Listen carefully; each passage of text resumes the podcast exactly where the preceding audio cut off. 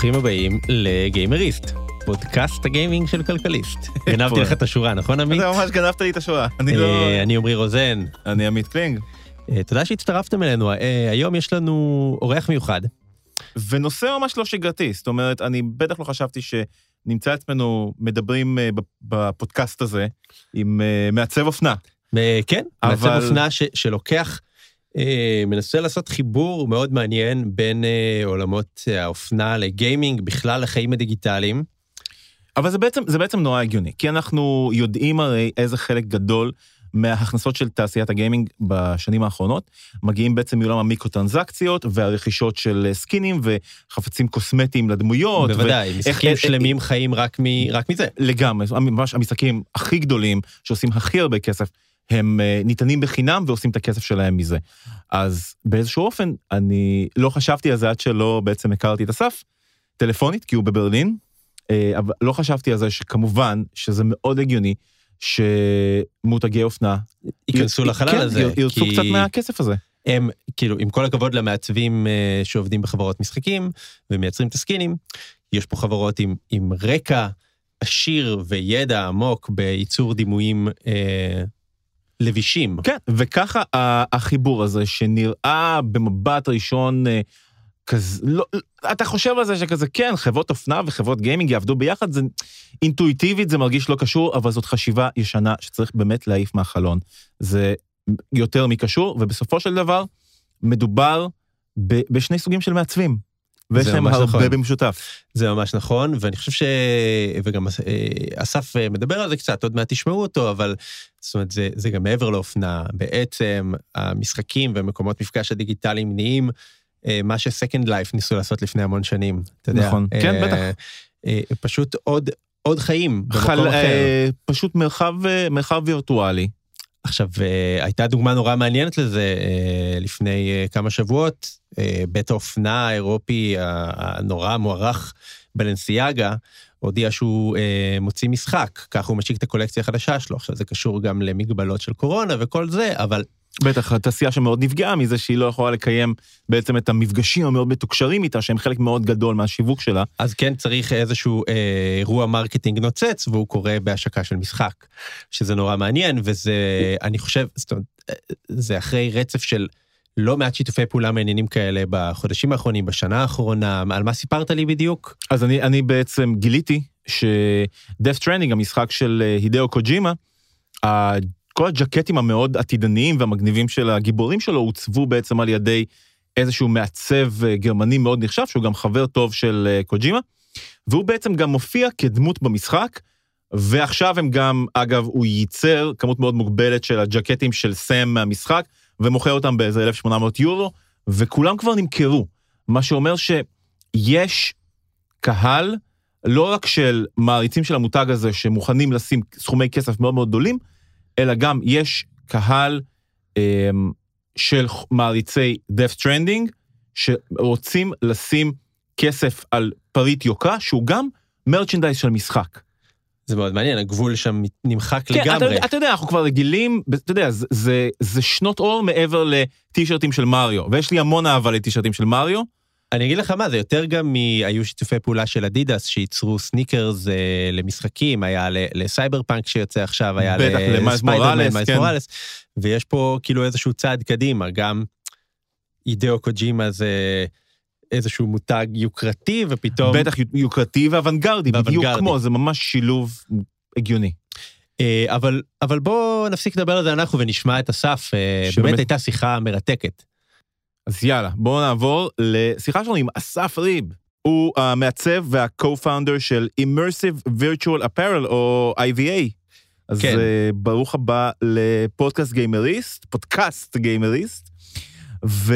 תודה על ההזמנה. בכיף. אז קודם כל, אסף, באמת אנחנו נש... תכף בעצם נדבר על איך הגעת ממישהו שלמד ועבד בתחום העיצוב אופנה, איך הגעת בעצם לתעשיית הגיימינג, אז בוא, בוא תספר קצת על הרקע שלך. אה, בכיף, אז אני עשיתי בעצם מסלול די טיפוסי למישהו שרוצה קריירה בתחום האופנה, אני עשיתי את התואר הראשון שלי בשנקר.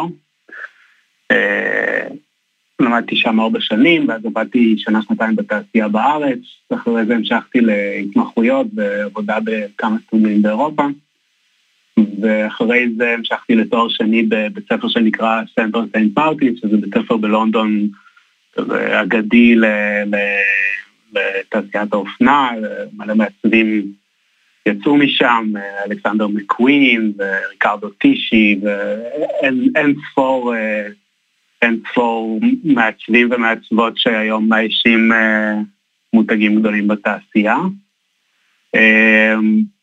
למדתי שם, אחרי זה חזרתי לארץ לשנה-שנתיים ועבדתי בכל מיני מקומות, כולל באטאק כשהם הקימו את החברה מחדש, ובעקבות, קיבלתי גם איזה מענק ממפעל הפיס, אז היה תקופה שניסיתי להקים מותג בארץ, אבל התעשייה בארץ היא די, די יבשה כרגע, ולא לא באשמת המעצבים המוכשרים או באשמת. חברות המלאות מוטיבציה, פשוט זה שוק קטן וזו תעשייה קשה באופן כללי, שזה מוביל שוב, למעבר לכלים דיגיטליים יותר. בכל מקרה, אחרי תקופה בארץ חזרתי לגרמניה, היה לי יותר קל לעבוד מפה עם חברות שעבדתי איתן כפרילנסר באנגליה ובאירופה. וכשעברתי לפה לא רציתי שוב פעם להקים סטודיו ו... להתעסק עם, אתה יודע, כאילו זה היה אחרי שעברתי מדינות בצורה די דחופה בשנים האחרונות, והחלטתי שהפעם אני לא, לא מקים סטודיו ואני הולך לנהל את כל העבודה שלי דרך המחשב. והתחלתי להתעסק עם prototyping דיגיטלי של בגדים, בשביל לקוחות שעבדתי איתם, שזה כלים שמשמשים בתעשייה, עבודה בתלת מימד כדי לעשות mockאפים. אתה בעצם בנקודה הזאת למדת תלת או שהכרת את זה עוד לפני? לא, ממש בנקודה הזאת למדתי תלת, ו... זאת אומרת, תמיד היה לי עניין סביב זה, אבל זה לא משהו שהיה חלק מההכשרה שלי, זה לא משהו שמלמדים בבתי ספר לאופנה. עבדתי כן. המון עם מחשב כחלק מהתהליך עיצובי שלי, אבל לא, לא, לא, לא במובן של תלת מימד. ואיך בעצם זה הוליך אותך לתעשיית הגיימינג, הדבר הזה? אז התחלתי לייצר כל מיני דברים בתלת מימד, למדתי מתוך סקרנות אישית את הכלים יותר ויותר ויותר ונכנסתי לזה ו, וראיתי המון מעצבים שמתעסקים ב, ב, בלייצר קולקציות שבסוף לא נמכרות אבל מקבלות המון כיסוי תקשורתי והמון עניין, אתה יודע, מבחינת פרס אתה מקבל פרס בווג ואתה מקבל פרס בכל מיני פרסומים מאוד משמעותיים ויש המון רעב לדימוי אבל אין כל כך רעב לפריטים עצמם. אנשים מציגים בשבוע האופנה, מראים תצוגה שלמה, ואז בסוף מוכרים טישרטים מתוך הקולקציה הזאת. זהו, תמיד, תמיד, תמיד, תמיד כשמראים את הדברים האלה בטלוויזיה, עם הדברים המאוד קיצוניים וניסיוניים, אתה אומר, אוקיי, מגניב, אבל אני אף פעם לא רואה מישהו הולך ככה ברחוב, אז מה, מה, מה, לאן זה הולך? אבל זה סתם איזה זהו, דבר... זהו, ההנחה שלי תמיד הייתה ש... סליחה. אני, אני חושב שפה באמת החיבור בין שתי, בין שתי התעשיות המאוד שונות כביכול נהיה יותר ברור, במובן הזה שאופנה זה לא... בוא נגיד, בשונה מתעשיית הביגוד ובשונה ממותגים מסוימים שאולי מוכרים דברים שהם יותר פרקטיים, הרעיון פה הוא לא למכור באמת פריט, הרעיון הוא למכור איזשהו סיפור. של מי שאתה יכול להיות. ובמובן הזה, ברמה הפילוסופית יש הרבה קשר בין שתי התעשיות האלה, בגלל ששתיהן מוכרות לך איזשהו סיפור על להיות מישהו שהוא, שהוא לא באמת אתה. איזשהו אבטאר. בדיוק, אבטאר, עולם שהוא לא העולם האמיתי, דמות שהיא לא באמת אתה, מי שאתה יכול להיות. Mm-hmm. במובן מסוים, לרצות להיות אביר ש, שיכול להרוג, לא יודע, אורקים, או, או להיות... או להיות אה, בחורה שהיא מידה אפס ו- והולכת על הקטווק והיא סופרסטאר וכולם רוצים להיות היא, אז... אז אה, אלה לא דברים כך שונים, אתה אומר. במובן מסוים, כן, זה לא דברים כך שונים, והשאלה היא באמת, ההזדמנות שאני ראיתי בתלת מימד בשביל התעשייה שאני באתי ממנה היא, היא באמת כפועל יוצא מכל הבעיות והאתגרים שיש בתעשייה הזאת היום, שזה ייצור שהוא לא, לא sustainable, לא, לא ידידותי לסביבה, אה, בעיות נורא גדולות של overstocking ו production שהוא לא מדויק ודברים כאלה. אה, בעצם היה, ראיתי איזושהי הזדמנות למכור את הדימוי, אבל בלי להתעסק בייצור הפיזי שלו. מעניין. וזה, וזה באמת אה, מסונכרן מאוד עם המגמה המקבילה שקורית, ש... אנשים שאולי לא היו מגדירים את עצמם גיימרים לפני עשור, אה, מבלים כל כך הרבה זמן בסביבות וירטואליות, והם כל כך אינגייג' בתוך הסביבות האלה, ש, ש, שזה בעצם אנשים שהם הם הצרכנים הממוצעים של חברות אופנה, והם מבלים פתאום את הזמן שלהם במקום חדש, הם מוציאים את הכסף שלהם. אתה אחד מהאנשים האלה אגב? זאת אומרת, מתי אתה בעצם התחלת להתעניין בגיימינג ספציפית ולשחק או לבדוק וכולי? אמ, תראה, כילד שיחקתי, כן? כאילו, אני והחברים הבנים שלי שיחקנו, והיינו באים אחד לשני לשחק בפלייסטיישן, ובבית ספר כשהייתי ילד קטן אז היה דייב במחשבים, וכאילו זה תמיד היה ברקע, אבל זה לא, זה דווקא משהו שיחסית התרחקתי ממנו ככל שהתבגרתי. אה, אבל, אבל כן יש לי אהבה לתחום הזה, זאת אומרת, אני גם היום כן, האמת שמאז שהתחלתי להתעסק בתלת-מימד, אז יש לי גם מחשב נפרד מהמקבוק היפה וה... וה... אתה יודע, החמוד עם איזה אקספריאנס המדהים. כן. יש לי גם מחשב שהוא עם כרטיס מסך מאוד חזק, אז הבנפיט של זה שאפשר לשחק משחקים שאני לא יכול לשחק במק. אה, אז אז כאילו, אז אני, תגיד, אני כן אה, משחק ואני נהנה מזה, אבל כמו שאמרתי לעמית פעם קודמת שדיברנו, אני לא... לא... אף פעם לא הגדרתי את זה בתור חלק מאיזה tribe של gaming. שזה מעניין, כי, כי זה משהו שהוא נהיה יותר ויותר נכון לגבי כל מי שמשחק. זאת אומרת, עדיין אומרים גיימרים וחושבים על הגיימר הקלאסי, אבל, אבל הם בעצם מיעוט בתוך מי שכן משחק. בטח, וגם באמת, בסופו של דבר, כש... המספר, מה שנקרא, הגיימרים הפעילים, וזה הערכות של חברות שעושות מחקר שוק על התעשייה, שמעריכות את זה, את מספר הגיימרים הפעילים בעולם, שזה מתחלק כרגע בערך חצי פלוס קצת במובייל, ועוד חצי זזים בין הקונסולות למחשב, מגיע למשהו כמו 2.7 מיליארד איש. מאוד קשה לדבר על שבט שהמספר שלו הוא איזה שליש מאוכלוסיית העולם. כן. זה, זה לא, כבר לא כל כך שבט. אבל, אוקיי, אם, אם נחזור שנייה להיסטוריה שלך, בעצם מתי אתה מתחיל לייצר, אה, אה, לייצר בעצם אופנה לתוך משחקים. כן, אז אה, כאילו, תרשה לי לדבר על המושגים. בטח. תקן אותי אם אני טועה, אבל אני חושב שהדיבור על gaming הוא, הוא בשביל אנשים שבאים כמוני לא מתוך התחום, הוא מטעה בגלל ש... בעצם מדובר פה באיזושהי תופעה שהיא קצת יותר רחבה, ואולי אפשר להתייחס אליה בתור interactive media או interactive entertainment. בהחלט. Um, ולתוך העניין, מבחינתי, הכניסה לתוך התחום היותר רחב הזה הייתה דרך מציאות רבודה, דרך AR. Uh, התחלתי לנסות להבין איך אפשר להשתמש בפונקציות כמו face tracking, שהרשתות החברתיות מציעות כדי להלביש דברים שהם בעצם מוצרים מהעולם האמיתי, זאת אומרת איך אתה יכול לשים אובייקטים כמו משקפיים וזה, מתוך איזשהו רצון באמת להלביש אנשים בשכבה דיגיטלית. אה, הפונקציות האלה בעיקר מתקיימות היום בתוך social media, באינסטגרם, בפייסבוק, בסנאפצ'אט ובטיק טוק, ואלו לא סביבות שמאפשרות monetization.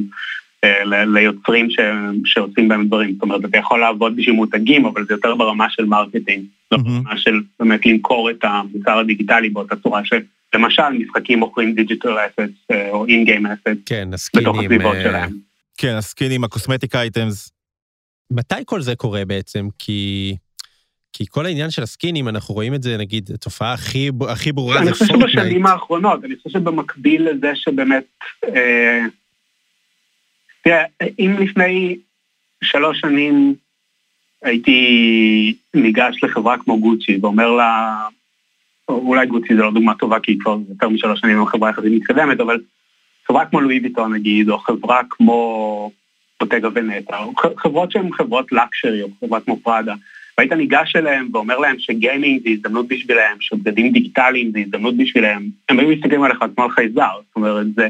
לא רק שזה לא היה בתוך הסיסטם שלהם מבחינת, אה, אה, אתה יודע, זה לא ב-P&L שלהם או משהו כזה, זה פשוט היה, נראה להם משהו שהם לא רוצים להיות מזוהים איתו, בגלל שאני חושב שאחד האתגרים לחבר בין שתי התעשיות האלה זה איבה אולי אפילו, די הדדית, זאת אומרת, זה לא שזה רק בא מתוך איזושהי התנסות של עולם האופנה כלפי עולם הגיימינג, אני גם רואה את זה הרבה כשאני מדבר עם אנשים שהם בתעשיית הגיימינג ו... ותיקים בה, זה נראה להם כמו משהו שהוא לא רלוונטי להם. זאת אומרת, זה לא תעשייה שהיא רלוונטית, זה, זה, זה אנשים שמתעסקים בדברים שהם לגמרי תלושים, למרות שכמו שאמרתי מקודם, באמת יש איזשהו דמיון מאוד חזק בצורה שהם מוכרים פנטזיה.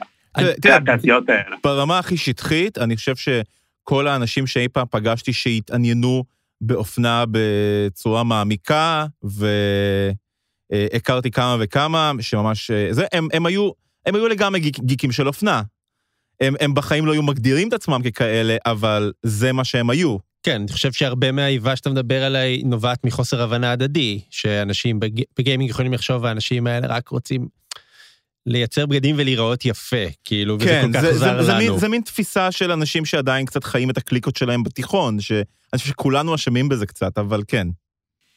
כן, לגמרי. אז- אני, אז- אני אז- חושב שזה אחד האתגרים הגדולים מבחינתנו כשאנחנו, כשאנחנו מדברים, תראה, עם כל מה שאני מדבר עליו ברמה של שינוי בתעשייה, וכמה שאני שאלת מתי, כאילו, מתי השיפט הזה באמת קרה מבחינתי, אז אני חושב שהרעיונות של אבטארים, והרעיונות של multiverse, והרעיונות של, כאילו, מה, מה אנחנו לובשים ב multiverse, בתור מישהו שמתעסק בבגדים ומתעסק בש... תמיד זה היה מעניין בשביל, אני אוהב science fiction, ודברים כמו Snow Crash ודברים כאלה, זה, דברים כאלה, זה, זה, זה די, זה לא שאני המצאתי את הרעיון הזה או משהו. כזה, זה, זה משהו ש, שהוא קיים בדיבור הכללי, אבל אתה יודע, מי עושה את הבגדים שאנשים במטריקס לובשים, כאילו, מהמם.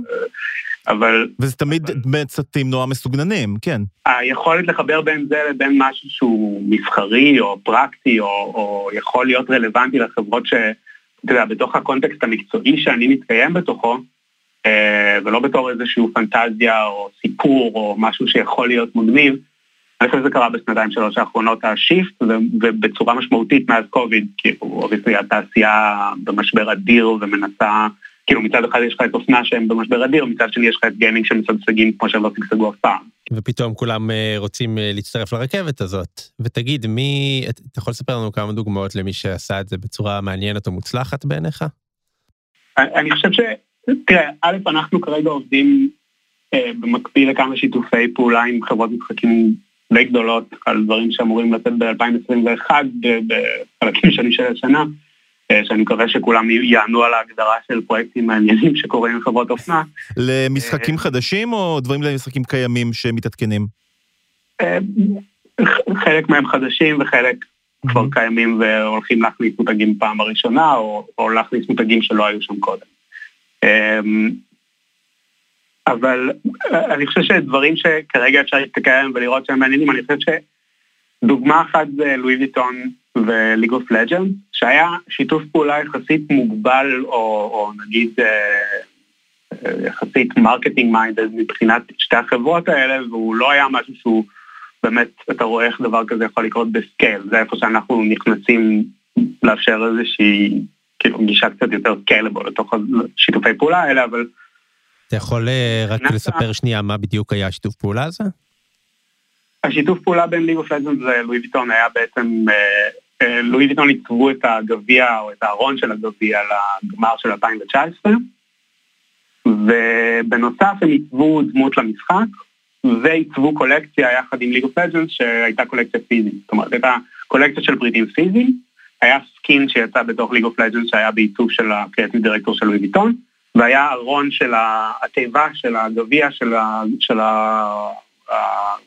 אליפות העולם ב-2019. כן, אז אני מבין מה אתה אומר, זה באמת לא משהו שהשחקן הממוצע עכשיו בהכרח אה, יבוא איתו באינטראקציה. כן, תראה, אני חושב ש...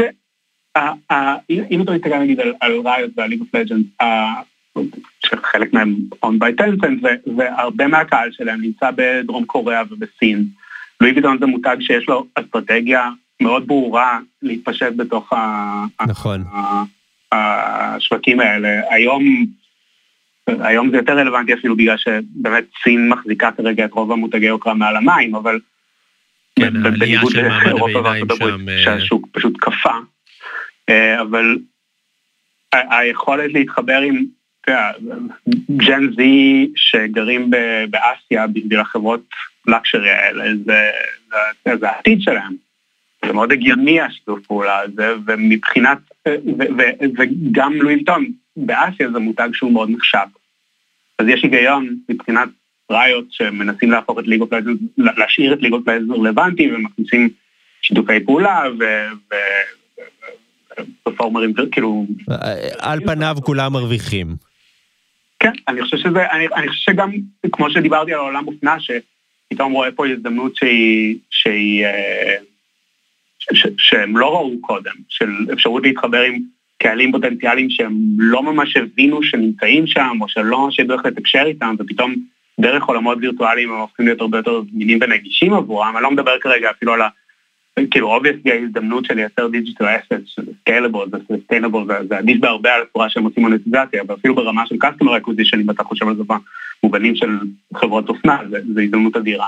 ומבחינת החברות משחקים, זו הזדמנות, אני חושב שאם אתה מסתכל, אה, אם יורשה לי להגיד, המגמה נראית כמו כבר שנים אה, מעבר ל-in-game assets ו monetization דרך in-game assets, ואם אתה מסתכל על איך חברות יכולות להשאיר את עצמם רלוונטיות, אני מסתכל על דוגמאות שהן לאדיוט כמוני נראות כאילו מובנות מאליהם, כמו פורטנייט למשל, הצורה שהם משחררים תוכן כל שלושה חודשים היא מאוד דומה לאיך שחברות אופנה משחררות תוכן. זאת אומרת, אתה משחרר, כאילו עונות הם בגדול באורך של שלושה חודשים. בטח season pass, ואז... וזה כן. מקביל... חדשים. כן, לקולקציה. כל הזמן. אולי, אה, אתה יודע, אולי בעצם אפשר גם להעביר אה, אה, חברות אופנה למודל הזה, ואתה בא, אתה קונה loot box של בגדים, ואתה פותח ואתה מגלה מה יש בפנים. יש דברים כאלה. יש, יש דברים כאלה. יפה. כן, אני כאילו לא... אני לא מתיימר להמציא שום דבר באופנה, זה בסדר. באופן כללי, אבל כן, כאילו, יש לזה אלמנטים אפלים, אבל כן, יש דברים כאלה, יש loot box פיזי, כאילו, נסתכל ביוטיוב, יש מלא unbox ים של דברים כאלה, ו... כן, אבל אני חושב שגם תראה, אנחנו רואים יותר ויותר דוגמאות. זה, זה לא משהו שאנחנו יותר באים מהנקודת המבט של לבנות תשתית לזה, אחרים באים מתוך הנקודת המבט של לבנות use cases לזה, אבל אני חושב שהגבולות שה, בין הפיזי לדיגיטלי היטשטשו במידה כזאת, שזה לא שאנחנו חיים בעולם דיגיטלי או חיים בעולם פיזי, אנחנו חיים באיזה אזור דמדומים של שני הדברים האלה, ומוצרים יצטרכו להיות קיימים בשני האזורים האלה. כן.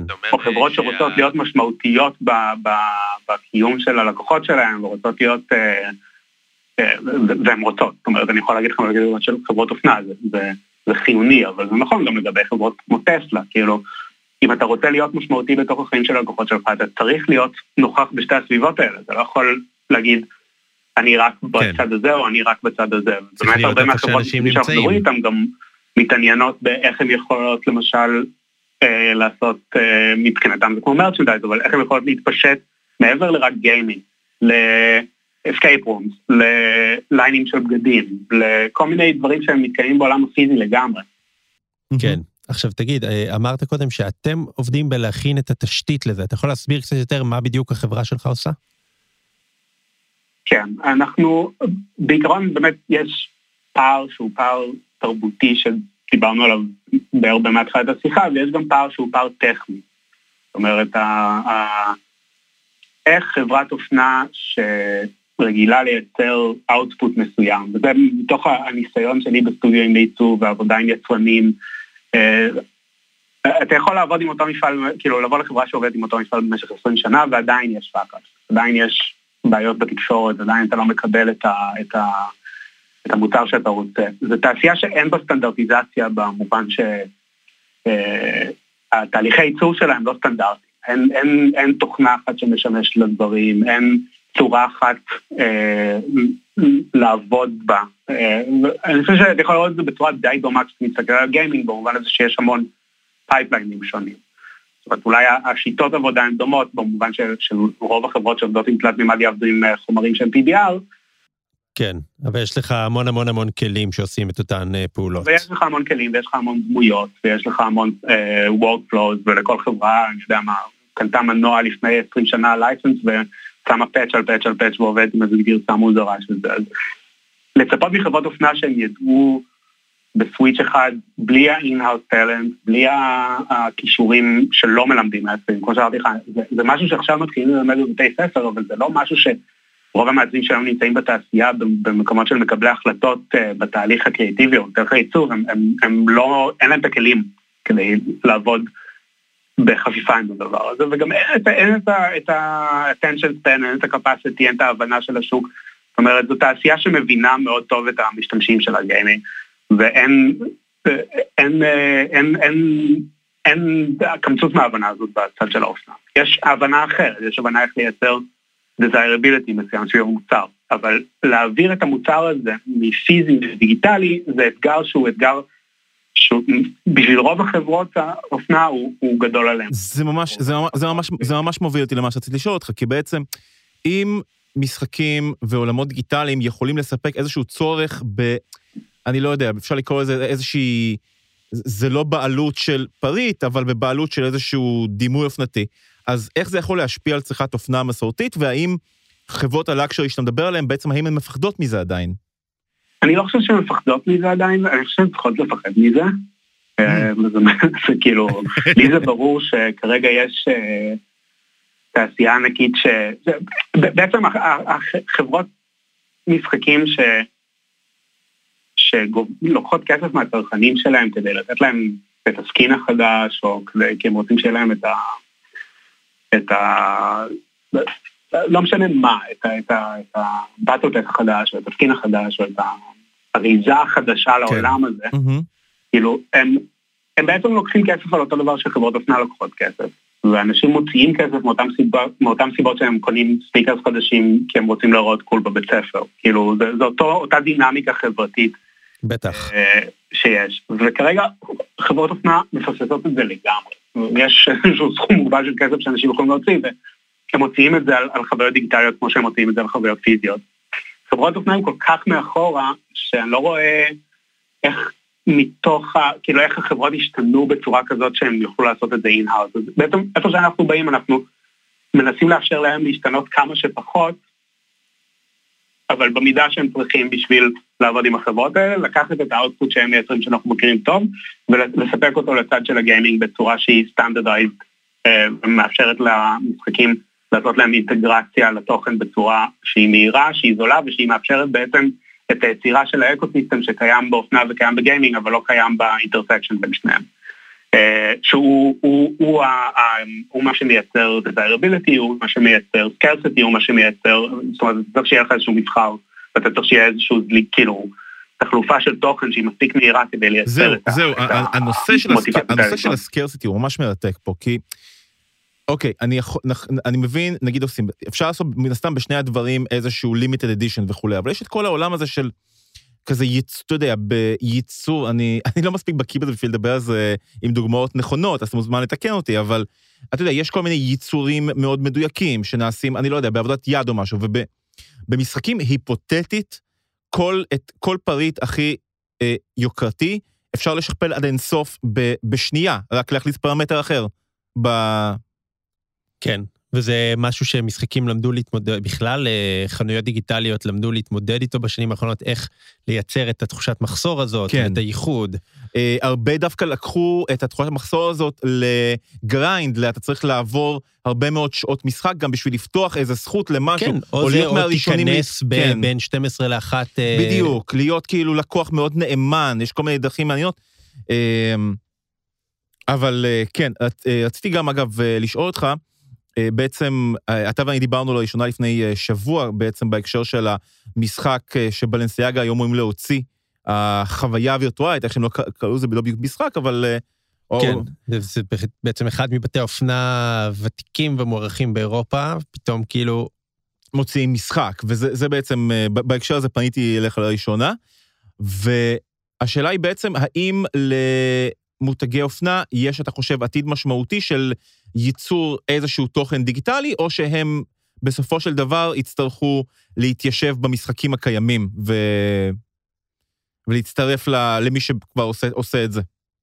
אה, זו שאלה ממש טובה. אה, אתה שיחקת במשחק או בחוויה? הוא יוצא רק מחרתיים, אני חושב. לא, לא, הוא יצא כבר, אני אתמול ניסיתי לשחק בו. ובעיקר היו לי באגים, כאילו, okay. אוקיי. לחצתי על כמה כפתורים, ואז אמר לי, כל הכבוד, ניצחת במשחק, אתה יכול לשחק בו שוב עוד שעה. מביש, כן, זה נכון. תראה, אני חושב ש, שהשאלה היא קצת מטעה, בגלל שזה לא שבלנסיאגה עשו את המשחק הזה בעצמם. נכון. הם, הם היו צריכים ללכת ל contractor שיעשה להם. נכון. זאת אומרת, זה לא משהו ש... למותג כמו בלנסיאגה יש את ה capacity לייצר in-house, ולא למותג כמו ברברי שעשה משחק לפני זה, ולא למותג כמו אדידס שעשה משחק לפני זה, זה לא דברים שהם מפתחים בתוך החברה. זאת אומרת, גם אם הם מתנסים בדברים כאלה, זה לא ה core של, של ה expertise שלהם. אני חושב שהשאלה היא, היא יותר ברמה של מה, מה הופך משחק למצליח.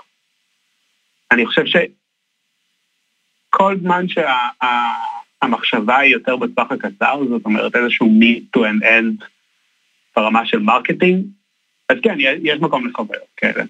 אני שיחקתי במשחק של בנסיאגו פעם אחת, ואני לא אחזור למשחק של בנסיאגו עוד פעם, כי הוא לא...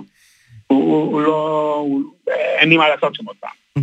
אמ, אני חושב ש, ש, שפה הדגש, זאת אומרת, אני ניגש לזה במחשבה שגיימינג זה תעשייה ש, ש, שהמומחיות שלה זה נייצר חוויות כאלה. זאת אומרת, זה נשמע אולי, אולי stating obvious, אבל זו תעשייה שמכירה את המשתמשים שלה, זו תעשייה ש... שכללה לרמה של תחכום כל כך גבוה, איך, איך, בכל מיני דרכים, איך אתה מתמרן יוזרים או מבדר יוזרים או, או מייצר קשר עם יוזרים, וזה משהו שלאופנה אין סיכוי to catch up with. אז כן, אנחנו עכשיו רואים כמה דוגמאות לחוויות כאלה, אנחנו גם עובדים על דברים כאלה, בגלל שיש ביקוש מהמותגים לחוויות כאלה, איפה שיש להם שליטה, ואני צריך לזה, יושבים עם יד על ההגה, כאילו. אבל בשביל לייצר מספיק ערך בתוך הסביבות האלה, אתה צריך סביבה שעובדת. כן. אם לחברות אופנה יש את הסיכוי לייצר את המטאוורס הבא, או שהן רק יהיו אורחות בו, או חלק ממנו, אני חושב שה... בטווח הארוך התשובה היא כנראה החלק השני. זאת אומרת, אני לא כן. רואה חברות אופנה מפתחות in-house את הכישורים, את היכולת, את הניסיון ואת ה track record בשביל לפתח מטאוורסים או מולטיוורסים. כן. אפילו כן. משחקים שאנשים חוזרים אליהם כי הם כיפים. אולי יהיה exceptions, אבל זה לא יהיה, אבל זה לא יהיה הכלל. אני חושב שבסוף מה, מה שינצח זה איפה שהמשתמשים נמצאים.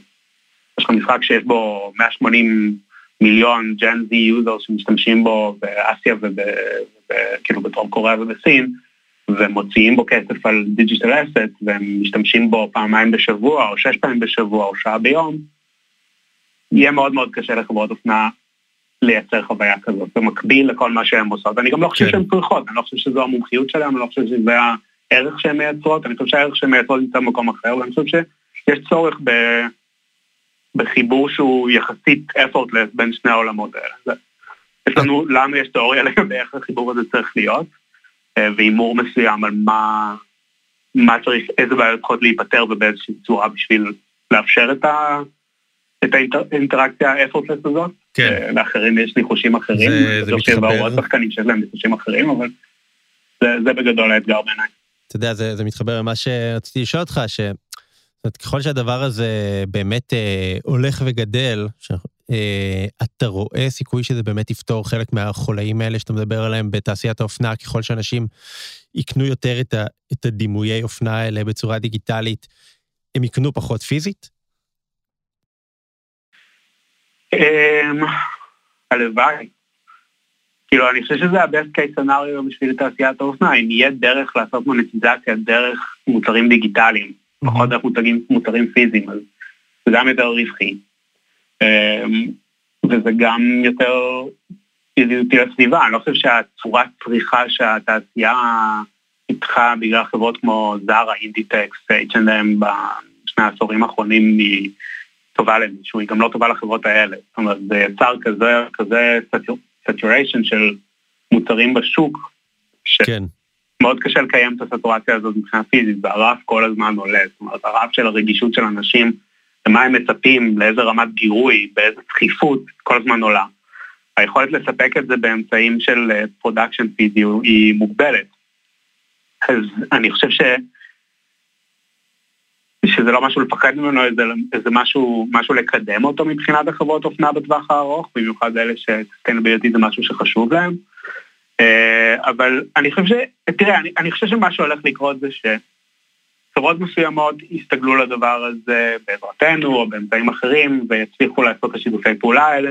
יהיו מותגים שיווצרו בתוך, ש, שדווקא ייוולדו בעולם הדיגיטלי ויצאו לעולם. מותגי דיגיטל פרסט או אפילו דיגיטל אונלי, בטח. כן, ו- ואני חושב שיהיו מותגי אופנה שלא לא ידעו איך, איך אה, לנצל את המהפך הזה. זאת אומרת, אה, אני רואה את זה כמו עוד מהפכה שהתעשיית אופנה צריכה לעבור, כמו שהיא עברה את מהפכת הבגדים אה, שמיוצרים בהתאמה אישית, היא עברה מהפכה של בגדים שמיוצרים במאסה, prêt-à-porter, ואז היא עברה מהפכה של, אה, של mass production, של חברות מוזר שנכנסו לתעשייה והפכו מ turnaround של פעמיים בשנה ל turnaround של, של פעם בשלושה שבועות. אה, ופעם בשבוע, וכמה פעמים בשבוע של דרופים שקורים כל הזמן בצורה מאוד דחופה, ואני חושב שהמהפך הבא זה יהיה באמת מהפך של להיות נוכח גם בסביבות דיגיטליות, וזה לא יקרה רק בחברות אופנה, אני חושב שזה יקרה לכל חברה שיש לה IP, intellectual property שהוא, שהוא desirable, והיא יכולה לעשות לו איזשהו אה, מינוף בסביבות וירטואליות, אבל אני חושב שכמו שאמרתי, גם יפצרו מותגים כאלה בסביבות דיגיטליות, ויהיו חברות שלא ידעו לעשות את זה, ואו שהם ייכחדו, או שאני מאמין שזה חברות כמו שנל, או חברות כמו חברות לקשרי מאוד מבוססות, ש, שהמוצר שלהם הוא, הוא יותר מבוסס על ערכים של עולם ישן ועל הריטג' ודברים כאלה, יכול להיות שיש חברות שלא יבחרו ללכת לעולם הזה ויבחרו טוב, בגלל שזה יהיה הזהות של המוצר שלהם ומזה נובעת היוקרה שלהם, אבל כתעשייה יש שינוי. מי שלא, מי שלא, בגדול מי שלא יהיה לו, מי שלא, חברה שלא תהיה לה אסטרטגיה לשינוי הזה, בין אם זה לאמץ את זה או לדחות את זה או למצוא את הדרך שלה להשתלב בתוך הדבר הזה. אבל להתייחס לזה. לא, לא יצוד בזה לדעתי. כן. טוב, תשמע, זה, אסף, זה הכי הרבה שדיברתי על אופנה בחיים שלי, ואני מרגיש שהייתי יכול לעשות את זה עוד שעתיים. לא רק שזה הכי הרבה שדיברתי על אופנה בחיים שלי, זה הכי מעניין שהיה לי לדבר על אופנה בחיים שלי. אה, הייתי ממש שמח להמשיך, אבל אה, הזמן שלנו הוא מוגבל, ואנחנו נצטרך לסיים, אבל המון המון תודה שהצטרפת אלינו, זה היה ממש מעניין. באמת מרתק. ובהצלחה. בכיף, תודה, אה, אני מקווה שעוד יהיה לנו הרבה סיבות לדבר על אה, אופנה. גם אנחנו, תודה לאסף ריב מברלין. אסף, להתראות. ביי ביי. ביי. אז אה, שוב תודה רבה לאסף. תודה לכם שהקשבתם, תודה לאופיר גל מאולפני סוף הסאונד שהקליט אותנו, והקליט לנו את אות הפתיחה החדש, תודה אופיר. ותודה לרועי ברגמן, עורך הדיגיטל של כלכליסט. נתראה בשבוע הבא. יאללה ביי. Thank you.